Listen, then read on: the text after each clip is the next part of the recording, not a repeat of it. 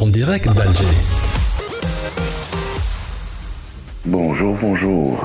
Abdelafir Nifsa en direct d'Alger. Une journée d'information organisée par SDG. Une journée de présentation vient d'être organisée par SDG Consulting Algérie en partenariat avec SAP en direction de six clients qui annonce l'ouverture d'une école de formation. SDG Algérie, qui est une société affiliée à SDG Group, a été créée en 2014.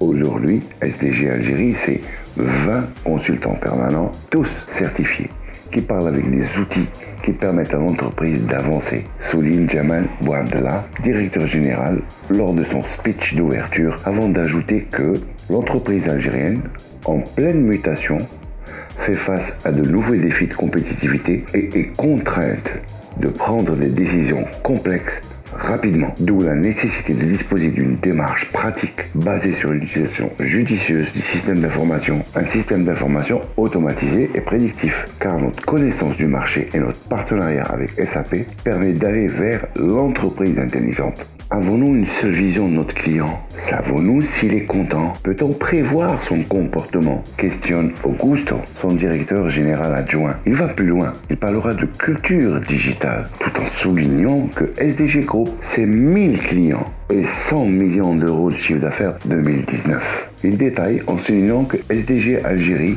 a évolué et est capable de mettre à la disposition de ses clients des outils d'aide à la décision pour améliorer leur entreprise et permettre un management intelligent. De plus, ajoute-t-il, l'entreprise numérique est plus motivée, plus efficace et plus compétitive. Khouloud Ayouch, Business Development chez SAP MENA, présentera SAP ses différents produits et ses marchés. Elle dira que SAP investit sur la formation des pre-sales et des partenaires et annoncera l'ouverture d'une école SAP en partenariat avec SDG Algérie. Plus que le seul suivi d'une base de données d'informations sur les clients, SAP compte offrir à ses clients des informations sur le marketing, le commerce, les ventes et le service client, tout en étant GDPR compliant.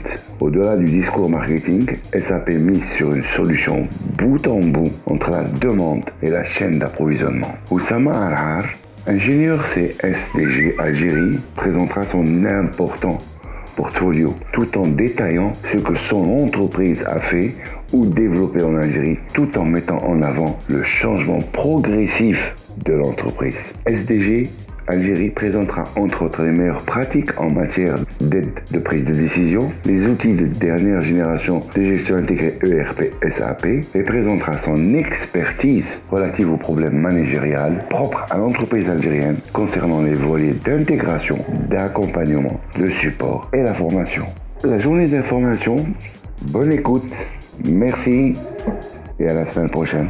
C'était en direct d'Alger avec Abdelafir Nifsa. En direct d'Alger.